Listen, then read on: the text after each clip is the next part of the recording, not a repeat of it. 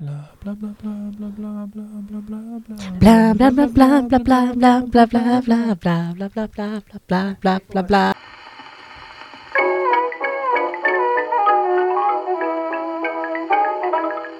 God dag allmänheten! Ni lyssnar på Bibblan svarar, en podcast som görs av biblioteken i Uddevalla i samarbete med den nationella svarstjänsten Bibblan svarar. Här kommer vi att komma med lite mer ingående svar på de frågor om allt möjligt som ställs av er alla på bibblansvarar.se eller direkt till oss på Bibblan svarar-podden.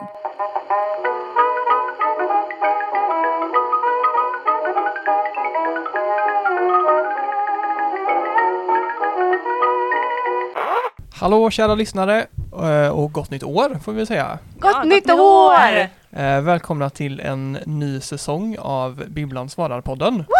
Woohoo! Yay! Anton bara, åh det är så roligt att vara tillbaka på jobbet igen. Ja, fy fasen. Jag heter ju Anton Joling i alla fall och jobbar som bibliotekarie och jag har ju med mig mina bibliotekariekollegor Emilia Djurberg Kvillén Hej hej! och Andrea Haglund. Tjabba. Tja! Har ni haft en bra jul och nyår? Eh, nej, jag fick covid. Åh nej. Bra att min gut instinkt är att fnissa också. Ja men det är lite... Åh nej! Damn it! Skulle inte rekommendera det. Nej, det är ju tråkigt. Men nu är det gjort, klart, fixat. Nej, jag hade väl det ganska bra. Mm. Alla höll sig, vi var betade av sjukdomarna innan jul där så att vi var ganska friska. Ja ändå. men det är bra planerat. Du kanske får lära dig någonting från det Emilia. Jag får göra det. det. Planering är inte min starka sida. Hur var din nyår och jul Anton? Åh, åh, tack för att du frågade. Jag fiskar inte alls efter det. Nej. Den var bra, tack. Ja. Eh, julen var ganska hektisk, men runt eh, dagarna innan nyår där så fick jag lite ledigt som jag kunde bara chilla och spela tv-spel och sånt, så det var nice. Mm. Ja, idag så kanske det lå- låter lite annorlunda mot vad det brukar göra. Eh, och det är för att vi spelar in i Ljungskile idag. Yay, mitt bibliotek! Ja, och, Jajamän. och här är ju allting lite annorlunda. Ja, alltid. Ja. Nej, men vi sitter ju inte i våran studio utan vi har fått improvisera lite grann med våran inspelning. Mm. Eh, Emilia, vad kommer du prata om idag? Jo, men jag kommer prata om blyertspennan. Jaha, ja. Det, det, Rafflande. det kan man göra. Ja. Eh, och Andrea, du kommer prata om... Eh, Jag ska berätta om eh, lite om eh, moderna häxor och vad de pysslar Ah, med. Ja, ja. Vad spännande. ja, jag känner ju spontant vilken, vilken prata jag är mest spänd Mm. för. Eh, Men jag med. vi får väl se. Ja.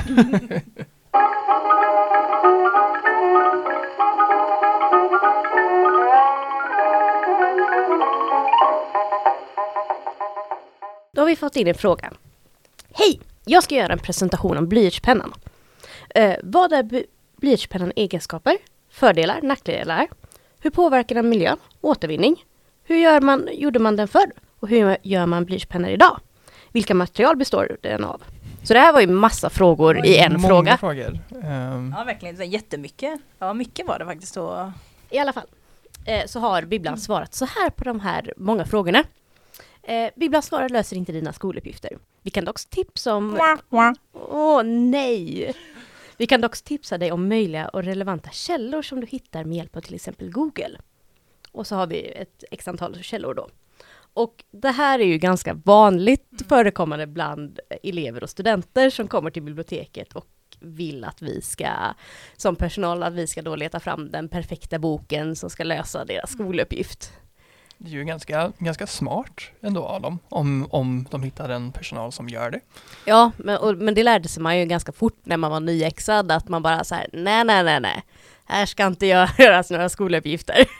Nej, och så tänker jag att det känns som att det är lite missförstånd också kanske för att jag tror många lärare säger typ till eh, ja, men till eh, eleverna att ja, men gå till biblioteket ska ni få hjälp med och så här, skolgrejer. Mm. Fast då tänker de nog att de ska få hjälp att visa hur man letar källor, inte att de ska plocka fram svaret åt en. Nej, för det är det är ganska många gånger man får den här åh, jag ska göra en uppsats om det här och det här, vart är den perfekta boken? Och jag vet inte hur många gånger jag sagt till studenter bara, du, jag är jätteledsen, den perfekta boken finns inte. Det finns en anledning till varför du måste ha flera källor till din uppsats. Jag är jätteledsen. och det ju också gäller väldigt mycket när det är högre studier. Att hur viktigt det är med källor och att man har flera olika källor och att då kan man inte bara nöja sig med en bok. Jag är ledsen. Nej, tyvärr är det ju faktiskt så. Eh, och vårt jobb som bibliotekarie det är ju att vi ska hjälpa elever och studenter hitta relevanta källor och var pekar de i rätt riktning när de börjar leta. Eh, men i alla fall, jag blev ju väldigt nyfiken på blyertspennan för jag bara så här, jag vet inte svaret på de här frågorna.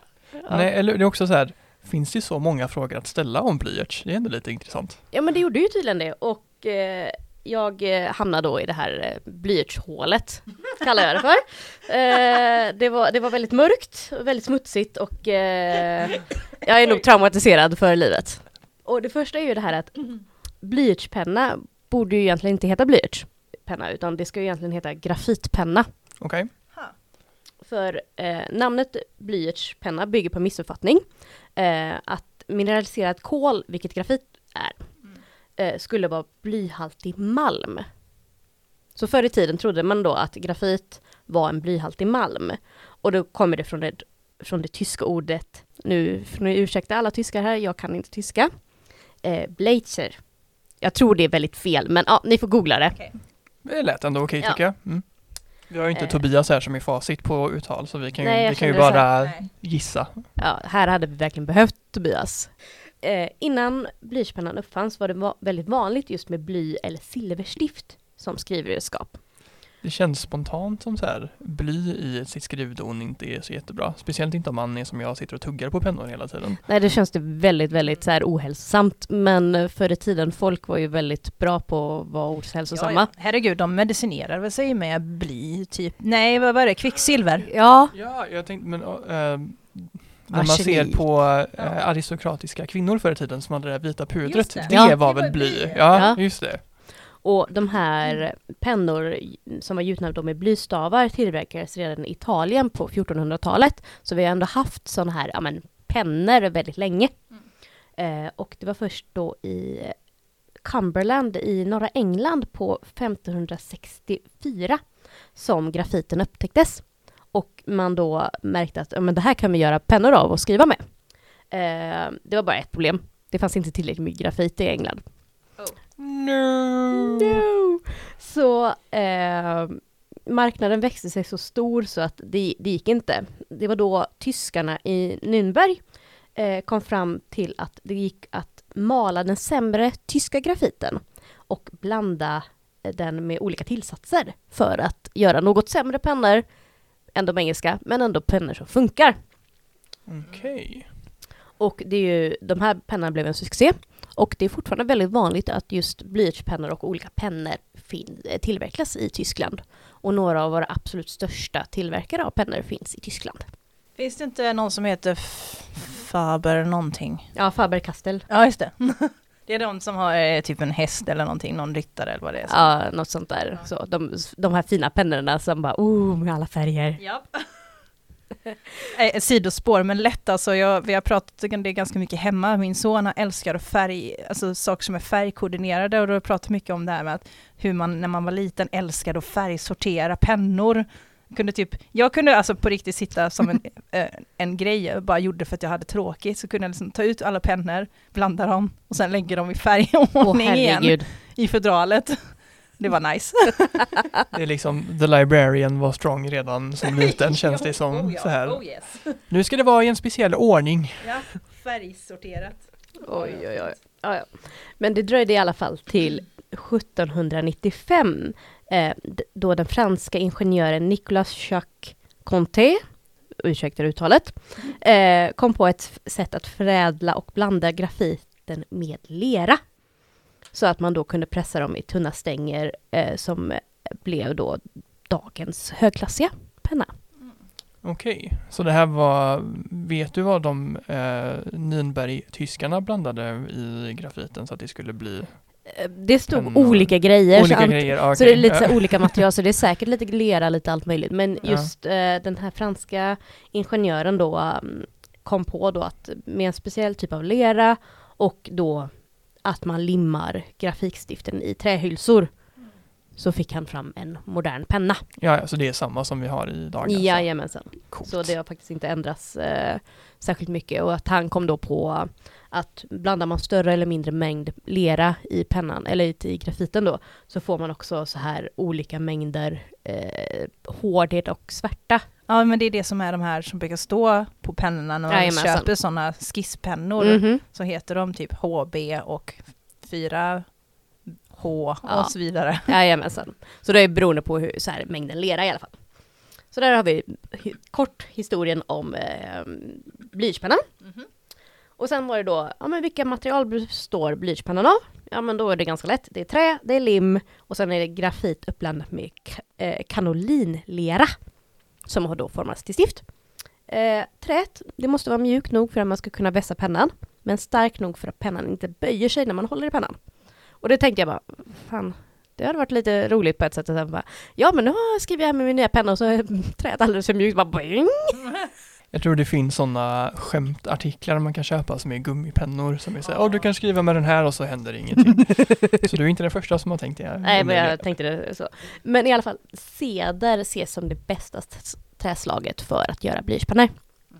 Så det är de, det är de fina blyertstillverkarna använder. Okej. Mm. Och sen var det, tyckte jag, lite intressant det här med att återvinning av blyertspennor. Och det går inte att återvinna en blyertspenna, utan det är brännbart. Ja, Så- ja, jag var så här, va? va? Jaha, ja just det, man slänger det brännbart. Ja. För det är svårt att separera träet och Ja. mm, eh, grafiten från varandra. Så Andrea, man kan använda blyertspenna mer än en gång ifall det var det du rörde på. Ah. Ah, mm. Nej men eh, vad skönt, då känns det bra att inte behöva slänga hela efter första användningen. Tur att de uppfann en pennvässare. Eh, Undrar undra hur lång tid, alltså det, eller liksom när det, det, det har du säkert inget på, men när man uppfann pennvässaren, när man kom på, när jag är trött på att försöka hålla på och vässa min penna med en kniv, för den går alltid av.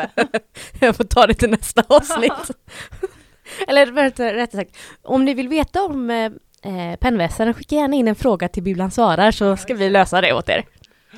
Men det Eh, finns ju många sådana roliga, eh, det är ju typ som att man kom på eh, suspensoaren, det skyddet, Mm. hundra år innan man kom på hjälm. Innan man insåg att så här, huvudet är också värt att skydda. prioriteringar, prioriteringar. Det, är så, det känns så typiskt män. Ja, jättemycket. Förlåt men. Ja, det gör det. Men om man vill tänka på miljön och så, så finns det ju också stiftpennor. Och där går det då att eh, sortera plastdelarna i plast och metalldelarna i metall. Och sen så kom ju mitt eh, favorit i den här lilla efterforskningen, det är att hur gör man då en penna? Hur tillverkas blyertspennor? Eh, idag då. Mm. Och eh, jag hade väldigt kul med att titta på väldigt mycket YouTube-videos. Fy fan vad tråkigt. Nej, Jag älskar Gillar du inte såna här How It's Made videos? Det tycker jag är ganska mysigt. De är jättemysiga att titta på! Men jag ser bara så här hur pennor görs på. Nej jag vet inte, det känns oerhört, oerhört tråkigt. Ja, jag hade Eh, Det- Om det inte är så att man tar ett jättestort träd och så är det för att det ska vara den perfekta pennan så är det bara den så här, innersta årsringen som får lov att användas så skalar man bort allting utan den och bara slänger resten eller någonting sånt Oj, där. oj, oj. Ja, nej, så, så så kul har vi inte. Men i alla fall så att eh, många Youtube-videos har tittats på. Och de flesta är det typ likadant i fabrikerna. Man börjar med träbitar då, som är cirka 18 gånger 6,5 cm stora och ungefär en halv centimeter tjocka. Och de kommer färdigskivade, eller färdiguppdelade till fabriken redan. Så fabriken får inte ens ett träd. Anton, jag är jätteledsen. Åh. och sen är det då maskiner som sågar fåror i träbitarna som sedan fylls med lim. Eh, limmet är lite elastiskt och minskar risken för grafikstiften ska gå av, för de är väldigt sköra. Så då har man kommit på att har man lite så här elastiskt lim så, hindrar, så hjälper de det att eh, hålla grafiten. Men är det en eh, har du en underdel av en penna så lägger man i stiftet och så limmar på en överdel eller har du liksom hela pennan och så borrar man ett litet, litet hål i mitten och så Nej, trycker in den där Det är två delar. två delar. Så det är en macka, vi kommer till det. För då är det sen då, nästa steg är att träbitarna delas upp i två grupper. Eh, och sen hoppar de Underdel och överdel. Underdel och överdel. Grupp 1, grupp 2. Eh, och sen för att göra grafikstiftet så blandas eh, grafit och kanolinleran. Och sen eh, formas blandningen till stift som sedan bakas i cirka 800 grader i ugnen. Så väldigt, väldigt varmt. 800 grader. Du kan lita på mig, du kan lita på mig. eh, Och Då fick vi det över systemet. Ja, bra, skönt. Check på den. Mm. Eh, och sen, det bakade stiften läggs då på plats i, en, i träbitens fåror, som tillhör grupp 1. Och träbitarna från grupp 2 läggs ovanpå grupp 1 tillsammans med lite lim. Och det blir då en macka. Och det här är lite roligt för att det, det är typ det de använder som term också på alla de här videorna. Att nu blev det en sandwich. och jag bara, ja men vad bra, det här blir då en blyertsmacka. Så, det, så ser, kommer jag nämna det här som macka så ni vet vad det är. Utan det är två bitar trä med lite mm, grafitstift emellan. Yes. Hade Homer Simpson varit här nu så hade han sagt Mm, pencil sandwich. I alla fall. Och sedan pressas alla mackor ihop av en stor press med ett tryck på ungefär en, ett ton. Så det är Oj. väldigt stort tryck. Och då är de under det här trycket ungefär en timme. Och på den tiden hinner limmet torka. Eh, sedan sågas alla mackor till pennor. Så först går eh, översidan eh, genom sågen och blir då formen som om de vill ha en hexagon eller en rund eller en trekantig eller något sånt där. Går det igenom och sen går de underdelen igenom och så lossnar alla pennor. Nu har du tappat bort mig. De har satt ihop dem till en macka. Mm. Vilken form har de då? Är det liksom Då- två meter långa träbitar Nej, nej, nej, som är... Jag sa ju det i början, de här bitarna är ju 18 gånger eh, en- 6,5 centimeter långa. Så de är inte så stora alls, de är som pennstorlekar, är de här träbitarna. Alltså de är, de är långa som en penna, men Mm. de är 6 centimeter breda. Ja, för att Och man, så är man de gör... en halv centimeter tjocka. Ja. Så att en, en penna är ungefär en centimeter tjock. Aha. Kolla på Ja. uh, Youtube-videon, de förklarar det mycket bättre än att försöka göra det i text. det är och förmodligen enklare att kolla på en bild. Men ja, ja, mycket I believe you. Ja. Så här. Och det är då de formar, för det finns ju så här otroligt många olika former på pennor, men eh, hexagonen är vanligast. Eh, och sen far pennorna genom en maskin som målar dem. Så om det är så här klassiskt orange eller gult och svart eller ja, ja. Och till sist får pennan sudd och blir vässad till perfektion innan den åker iväg till en inte ont Mm konsument. Mm-hmm. Också den enda gången en penna är vässad till perfektion. Ja, ja, ja. Det är ju helt omöjligt att vässa den hemma. Ja, eller hur? Den går ju bara sönder stiftet om och om igen.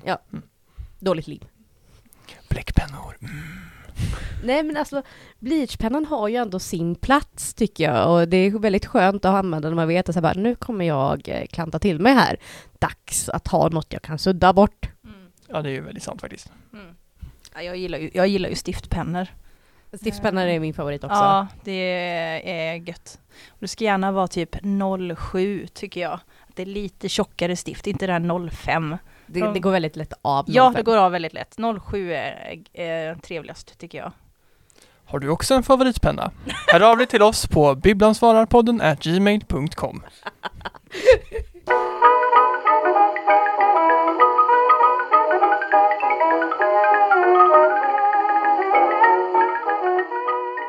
I avsnittet om Nyhedendom som vi hade för ett tag sedan, Ja. då var jag inte här. Eller där, när vi spelade in. Så pratades det ju lite om häxkonst i dagens eh, samhälle. Mm. Och eh, precis som ni nämnde då så tänkte jag faktiskt prata lite mer om det. Mm. Så. Eh, Så det kommer du göra idag? ja, Ja. så det kommer jag göra idag.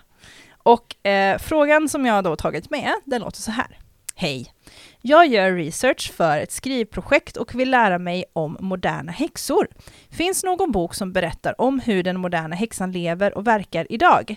Gärna som går in, i praktisk, eller in på praktisk häxkonst. Vänliga hälsningar Lina.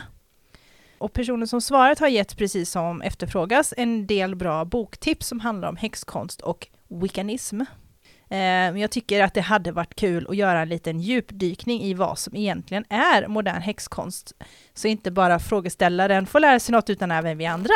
Ja, men det låter jättebra så slipper vi, kan vi gå vidare från hamsteroffren som vi pratade om eh, i det avsnittet. Så vi kan få lite riktig information och inte bara Ja. vår påhittade information. Nej, Jag kommer inte prata så mycket om hamsteroffer. Eh, Det ingår inte. förekommer inte det alltså?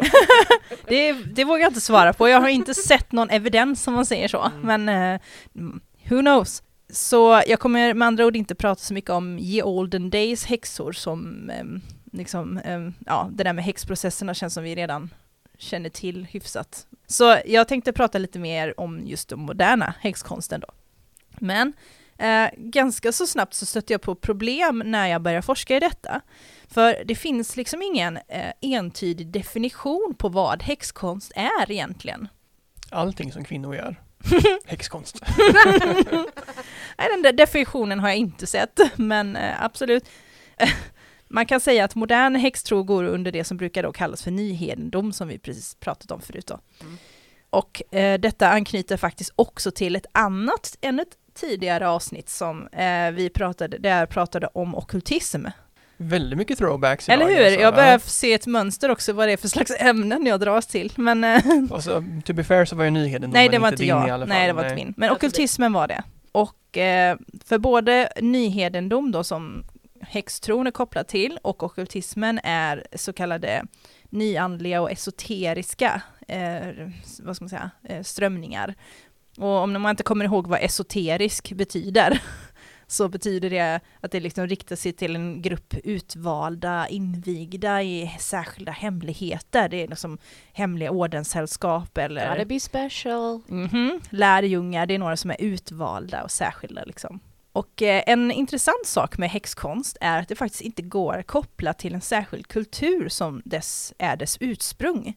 Alltså man tänker väldigt mycket, alltså jag tror det vi kanske som europeer eller västerlänningar associerar med häxkonst, eller i alla fall när jag tänker mig själv, då tänker jag typ nästan druider eller liksom så här keltiska grejer typ, eller Ja, jag tänker nog mer på den här eh, häxan som är i In League with the Devil, ja. känns det som. Mm, Ehm, Lite den här amerikanska häxan på ett sätt. Också Mm. då Ja. Salem-grejerna och det. För det är det som varit i populärkulturen Mm. ganska mycket senaste och så. Men annars tänker man det inte så mycket på det. Nej, men eh, det finns eh, eh, Bland annat så har historikern, en historiker som heter Ronald Hutton undersökt attityderna kring häxkonst i mer än 300 olika kulturer över hela världen.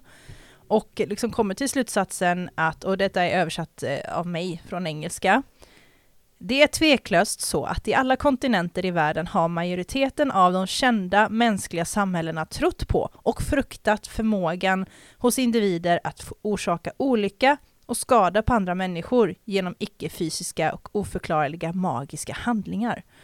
Så med andra ord, människor världen över har liksom eh, en rädsla för häxkonst liksom inbyggt på något sätt, eller det har, det har varit en grej i kulturer över hela världen, på alla kontinenter, att det finns läskiga, magiska personer som man ska akta sig för. Så det spelar ingen roll om man bor här i Sverige eller bor i Afrika eller Nej, bor i nej. Sydaf- Sydasien. Nej, inte där heller. Ja, men det är ju typ lite grann som att alla, alla kulturer har kommit på draken i en och annan form i princip. Eh, Eller att alla har uppfunnit pilbågen. Ja. Det, det är liksom allmänmänskligt. Precis, det, det har liksom på något vis alltid eh, funnits. Så det, eller liksom, det funn, finns överallt. Skulle också kunna vara ett bevis på att det faktiskt finns Mm. trollkunniga. Ja men häxor finns. Det, det, det ska jag eh, pränta in i ditt så du förstår. Men, men kanske inte på det sättet som du tänker. Nej, därför tänkte jag trollkunnig Mm. och inte häxa. Nej, nej precis. Men vad gör då en häxa? Trollar. Mm, ja, ja, precis. Ja, trollar är nog inte det de själva kallar det. Men absolut att de använder sig av trollformler. Ja, det gör de. Och eh, det är även här är väldigt entydigt, alltså svårt att entydigt svara på vad en häxa gör. För det finns en massa olika inriktningar och kombinationer av inriktningar. Man kan liksom tänka sig, mm, man, jag tycker det känns när jag läst om det som att det är lite som eh, göra sin egen godispåse, liksom, alltså lösgodis. Det är lite samma sak med häxkonst på något sätt. Att, ja men man kan, det, och det är helt okej enligt dem själva. Det är det så här, nej nej, men vadå, det, det spelar liksom ingen, man får, man får skapa sin egen kombo som man själv gillar. Men det är lite bara så, ja men jag vill vara lite av så här örtkunnig och jag vill gärna ha en katt. Ja. Eh, men man, man kan säga rent generellt i alla fall att häxor är folk, personer, som utövar häxkonst, eh, alltså utövar häxkonst, vad är det då? Ja, men man kan, det handlar väldigt mycket om att manipulera redan existerande energier. Man tror väldigt mycket på att det finns olika energier i en universum och genom olika metoder så kan man använda energin för att passa deras egna uppsåt. Så man kan förändra ett skeende eller liksom påverka de här energierna för att det ska, någonting särskilt ska hända. Mm. Så det kan till exempel innebära att kasta en förtrollning eller göra en ritual för att liksom då böja verkligheten till sin egen vilja. Så exempelvis då att det ska gå bra för en själv på en jobbintervju, så kan man göra en, någonting för att det ska bli så. Eller att man gör något för att det ska gå dåligt för någon annan. Kan det också vara. Så om jag vill eh, slå Anton i nästa Kahoot-quiz ska jag göra något speciellt då? För Det att kan du göra Han får dålig energi och jag får bra energi. Ja, exakt. Så är det.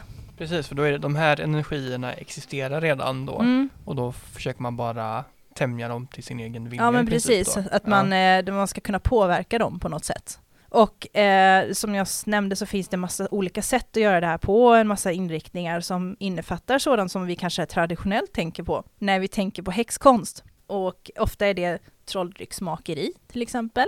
Eller trollformler är en central del i utövandet. Ett exempel på det förra, alltså trolldrycksmakeri, som jag tycker är lite kul, det är det som på engelska kallas för kitchen witchcraft, alltså typ kökshäxkonst. Ja men det är ju jättekul för Ja. det, det är ju jättepopulärt numera. Ja, eller hur? Det, det, jag kommer till det, men, men väldigt mycket av de här grejerna har blivit väldigt populära bara på senare tid. Men då använder man liksom olika ingredienser för olika syften, så olika ingredienser har olika betydelse då i den här magin.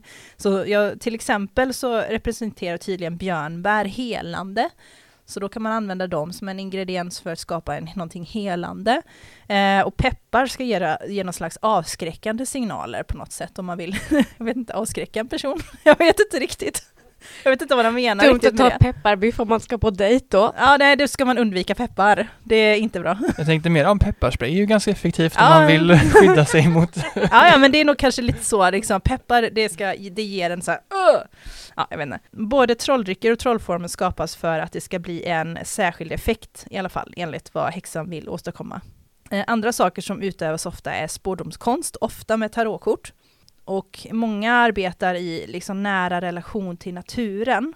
Och detta kallas ofta för låg magi och är mer en ett intuitivt utövande av magi, alltså man mer eh, jobbar med sina, hur man upplever, känner själv och liksom ja, intuitivt. Och motsatsen till detta är hög magi som är mer centrerad runt ritualer och mer något som man lär sig att göra. Så det är lite olika skolor hur en del tycker. Alltså en del tänker att nej men magi kan alla göra och en del tänker magi, nej det är sånt man får lära sig, man ska gå eh, typ inte en kurs då, men, men typ hos en hos en mentor eller någonting och lära sig skillnaden på en wizard och en sorcerer. Eller hur? alltså. Verkligen. Ja. ja. Jag kände också bara, åh det här är väldigt så här high and low fantasy Ja. och väldigt det. Men fatta vad coolt det hade varit om man så bara, nej men eh, på folkhögskolan här, kurs i häxeri för nybörjare. Vet du, det finns säkert någon sån på Medborgarskolan eller ja, liksom eller Studiefrämjandet. Medeltidsveckan eller Det finns säkert sådana här kurser. Jättekul! Ja men det, det är faktiskt rätt spännande tycker jag. Ehm, och det här med naturen, ja men då, då är det mycket mer så här, ja men naturmagi och att, mm, mm, att man kommer, känner sig närmare universums energier i, i, ute i naturen och sånt. Men så har vi det här med wicca, jag nämnde ju wiccanism. Många blandar ihop eller tänker att det är samma sak. Att wicca och häxkonst och modern häxkonst, att det är samma. Men det är inte riktigt samma. Eh, och det, det har jag läst, överallt där jag läser så poängterar alla väldigt noga att det är inte samma sak. att det Okej. är så här, alla häxor är inte wickaner och tvärtom. Men det finns såklart wickaner som ser sig själva som häxor. Men alltså det är inte, det är inte, det är inte nödvändigtvis så.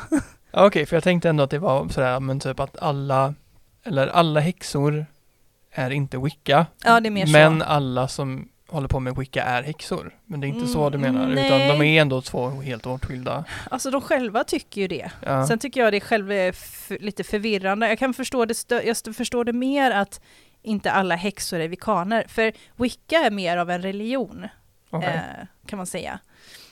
Eh, och det är ju rimligt, man kan ju vara man kan ju leva i Sverige men inte vara kristen, fast det är ett liksom, protestantiskt land eller whatever Mm. till exempel. Men skitsamma. Jag tänkte i alla fall att jag ska göra en nedslag i det här med wicca, vad det är för någonting. Och en definition som jag läste på history.com låter så här, och det här har nu jag också översatt själv tror jag. Wicca är en modern, naturfokuserad hednisk religion. Trots att ritualer och utövande varierar mellan personer som identifierar sig som vikaner, så är firande och festivaler tillägnade solstånden och vår slash höstdagjämningen, helgandet av en gud och en gudinna, användandet av örtmagi och andra naturbaserade objekt i ritualer ofta en gemensam nämnare. Vikaner utövar sin religion enligt en etisk kod och många tror på återfödelse. Och vikanismen är inte heller en särskilt gammal religion. Man kan ju tro det eftersom det har med häxkonster och man tänker på häx, häxerierna förr och så vidare. Men rörelsen grundades av en Gerald Gardner 1954. Oj, ja. Så det var väldigt det sent. Det var sent. Ja. För häxor känns som det har ju funnits. det har alltid, det, absolut. Liksom. Det har ja. funnits länge. Det är just den här Wicca-rörelsen ja. som bildades då. Och då släppte han en bok som heter Witchcraft Today, eh, där han eh, benämnde det som Wicca, som, med ett C då, sen blev det två C, med Wicca. Ett ord som han hört i ett coven på 1930-talet som ska betyda vist folk på gammal skottengelska. Mm. Coven så, nämnde jag ju, det kanske mm. låter lite, vad är det för någonting? Så det tänkte jag att jag skulle förklara. Ja, ja tack. Ja. Jaha, jag tänkte säga, men ingen av oss reagerar, tänkte jag, men det fattar vi bägge två vad som menas ja, med nej. det här. jag utgår från att inte alla vet vad en coven är för någonting. Det finns inte riktigt något ord för detta på svenska, eh, men man kan likna det med kristendomens församlingar. Så man skulle, eh, man skulle typ kunna översätta det till församling eller grupp, ja, inte, grupp eller samling av personer, jag vet inte.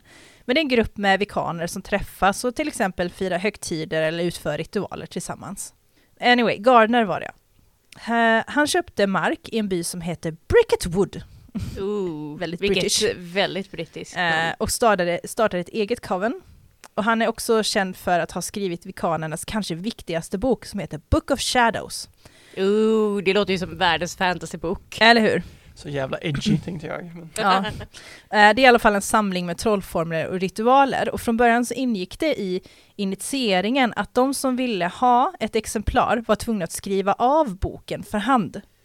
Så alla hade varsitt eget exemplar av The Book of Shadows mm. som de själva hade skrivit av. Får man använda en blyertspenna? I guess. Vet du hur lång den är? Uh, nej, men jag kan kolla. Nu letar vi fakta. En, eh, en ny utgåva, den här som jag hittade nu bara random på Amazon, den är från 2008 och den är 112 sidor lång. Ja. Fortfarande väldigt mycket för att skriva för hand. Mm. Och särskilt om du inte får använda modernt skrivdon som en blyertspenna. Tänk om du behöver skriva hela med en fjäder. Nej, det är, jag tror inte de, jag vet inte hur petiga de var med det där. Men i alla fall, det var så i början, men sen så insåg man väl just där att nej, det här orkar vi inte. Så eh, sen dess har det kommit fler varianter på skuggböcker eh, som heter liknande saker, eller som också heter Book of Shadows, det är inte som trademark på titeln. Eh, och de är, som är skrivna av andra personer som man kan köpa på en vanlig bokhandel. Alltså ja, det finns det flera, en massa olika varianter. Man kan se det som en, man tänker på det som en receptsamling fast för eh, spells och eh, trolldrycker och sånt. Blir jag ju väldigt nyfiken, undrar om det finns något bibliotek som har den här boken? Har vi det gör det säkert. Nej, det tror jag inte vi har. Vi får köpa in, känner jag. Ah, okay, ja, ja. Det, det, finns ju definitivt böcker om eh, ja men sådana här samlingar finns det ju och mer praktiker, det gör det ju definitivt. Och som jag nämnde tidigare så tror vikaner på en gud och en gudinna som anses vara jämbördiga, även om många har mest fokus på gudinnan. Wicca, även modern häxkonst i allmänhet, anses ofta vara ganska feministiska, mycket på grund av att häxkonster blev populära på 60 och 70-talet samtidigt som feminismen växte. Och häxan har ju traditionellt ofta varit kvinnor, idag kan både män och kvinnor vara häxor. Eh, men det är eh, majoritet på kvinnosidan som är det. Bara det att du som kvinna kan tillbe en gudinna istället för bara en manlig gud eh, är något som känns lite rebelliskt och antipatriarkalt som gör att många söker sig till nyandliga rörelser och nyhedendom för att komma bort från det traditionella och hitta sig själva i något helt nytt. Då blir det väldigt tilltalande som, kanske särskilt som kvinna eller som queer, generellt så att ägna sig åt just gudinnan då. Eh, och som jag nämnde så har det liksom följt fler sådana här, vad ska man säga, feministiska vågor, så även under eh, men metoo för några år sedan, då mm. gick det också upp i intresset för mm. häxkonst. Vilket man också kunde se väldigt intressant nog. Ja men häxor förenade sig, feministiska häxor förenade sig och försökte förhäxa Donald Trump. Hade ni, kommer ni ihåg det? Nej, Det hade jag på läst. nyheten och grejer. Nej, jag, jag kommer inte ihåg med var någonstans jag hörde det, men jag vet att jag, jag läste det någonstans då. Att eh, eh, de försökte, de blev så förbannade när han kom till makten så de typ skapade liksom eh, nationella grupper och skulle kasta på distans då, förhäxa honom. Så han skulle liksom inte, jag vet inte, lyckas med olika grejer och att han inte skulle bli omvald och blev han ju inte så, hej, who knows? Det kanske funkar. Ja. Det låter ju lite fånigt på ett sätt när man bara så här Åh nej jag tycker inte om den här personen, nu är jag arg på den, låt oss sammansluta här och förhäxa honom. Ja. Men det låter ju lite så här som, ja men klassiska sagan Mm. har vi där att häxan blir arg för att, eh, som är eh, skönhet och odjuret, Ja. att odjuret så här eh, förvisa henne Ja. när hon var så Då blev hon arg Då blev hon arg. förbannar honom. Och så tog hon förbannelse över honom Mhm. istället. Mhm. Så man bara, men du, Eh, och på TikTok så finns det något som kallas för Witch Talk. klart det gör.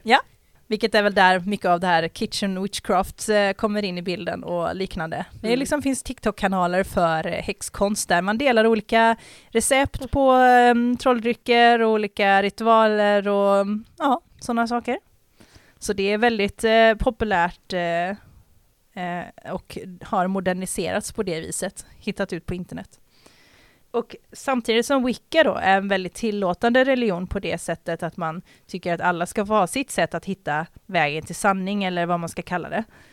Eh, så är man också väldigt tillåtande gentemot andra religioner. Och när jag läser om häxkonst generellt så verkar denna tanke genomsyra även de som inte ser sig som vikaner.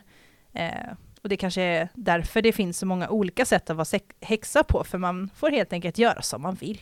Det är ju väldigt skönt för att då slipper man det här som är ju problem med många andra religioner. Att du måste vara på ett visst sätt och du måste läsa en viss bok eller du måste tänka på ett visst sätt och så, så då kan jag tänka mig att ja men särskilt för yngre generationer så känns det väl väldigt lockande att bara åh, här har vi något som är en samling Ja. människor som låter mig göra det jag Så gillar. väldigt, väldigt tillåtande. Också väldigt så här, nej vi sitter inte på någon ultimat sanning, utan det vi kanske har fel, men det här känns som det vi tror på, så att eh, ja.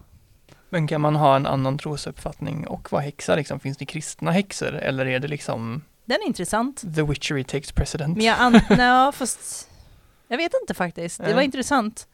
Hmm, ja, jag vet inte sjutton alltså. Det känns som att eh, en, en typ om en, en väldigt så bestämd, vad ska man säga, kristen uppfattning där det är så här, det finns en allsmäktig gud som bestämmer och du ska minsann inte komma där och försöka påverka det. Nej, det är väl sant. Just det är väl lite emot, det går lite emot varandra eh, känner ja. jag. Eh, sen kanske det finns andra religioner som går lättare att kombinera, kombinera ihop med häxkonst då.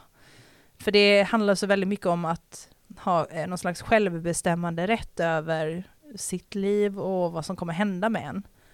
Ja, men det är lite spännande i alla fall. Så eh, ja, ni får väl sätta er och börja skriva era, era Ja. spellbooks. Book of Shadows. Era books of shadows, leta upp några recept.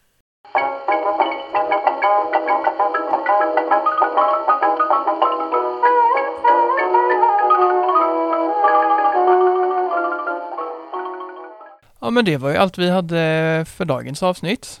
Mm. Ehm, ja du Emilia, vad har vi lärt oss idag egentligen?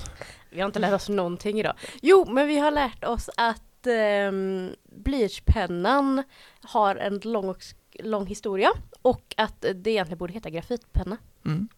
Och att eh, den var liksom perfect på 1700-talet redan och har varit samma sedan 1700-talet. Det Mm. tycker jag är ganska spännande faktiskt. Väldigt coolt. Ja, varför förstöra ett fungerande koncept? Ja. Liksom? Eh, men Andrea, vad har vi lärt oss av dig idag då? Massa grejer. Ja. Ehm, Tack. Tror jag. Punkt. Eller jag hoppas jag i alla fall. Eh, nej men vi har väl lärt oss om att eh, häxkonst och eh, wicca inte nödvändigtvis är samma sak. Mm. Och att det är ganska inkluderande och eh, man pysslar med eh, trollformler och eh, TikTok. Ja. Ja, men som det, det mesta nu för tiden. Någonting och TikTok. Mm. Precis. Ja, nej, fint. Eh, tack så mycket för det här avsnittet så ses vi igen om eh, två veckor. Japp. Bye bye! Bye! Har du också en fråga om precis vad som helst? I så fall får du gärna mejla oss på bibblansvararpodden gmail.com eller på våra sociala medier så kan vi ta upp den i framtida avsnitt. Vill du vara helt säker på att få ett svar på din fråga kan du gå in på bibblansvarar.se och ställa den där. Om du gör det kommer du få ett väl underbyggt svar och kanske kommer vi så småningom att utveckla svaret i podden. Du har lyssnat på Bibblan svarar, en podcast som görs av biblioteken i Uddevalla i samarbete med den nationella svartjänsten Bibblan svarar.